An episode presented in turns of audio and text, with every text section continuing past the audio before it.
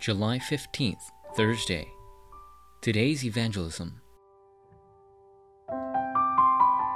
Acts chapter 8, verses 26 through 40.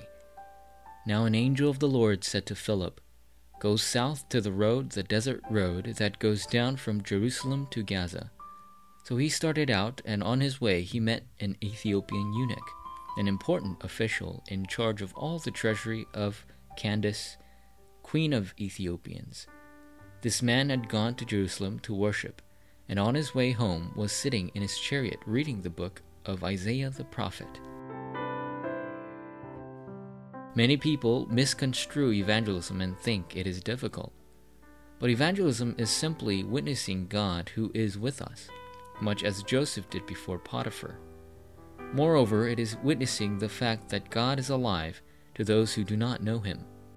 To correctly understand evangelism, there is something we must understand first and foremost. Number 1. Evangelism is God's everything. Evangelism is God's everything, and we must discover this fact. For God so loved the world, he gave his one and only Son, Jesus Christ, to this earth. John chapter 3 verse 16. Jesus told all who are weary and thirsty to come to him. Matthew chapter 11 verses 28 through 30. And he called us to be with us as well as to evangelize. Mark chapter 3 verse 14. He promised to come again after the gospel has been relayed. Matthew chapter 24 verse 14.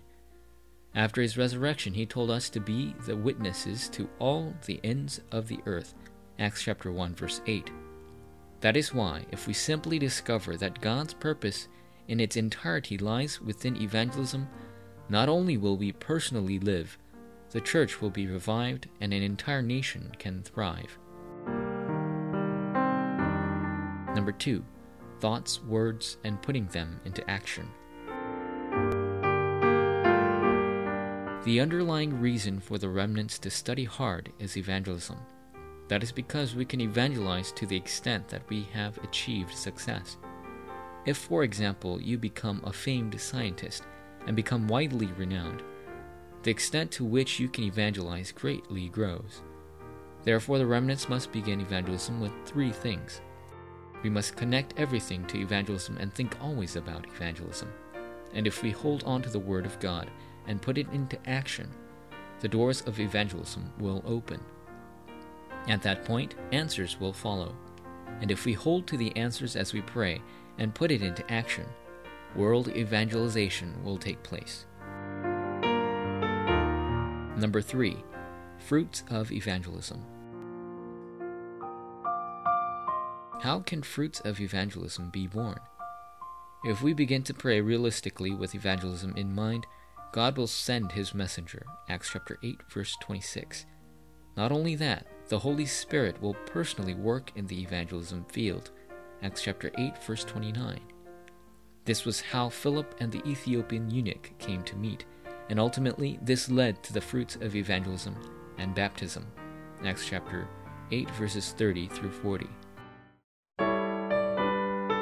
Forum topic The day the remnants hold to evangelism as their covenant and succeed, the work of God will begin.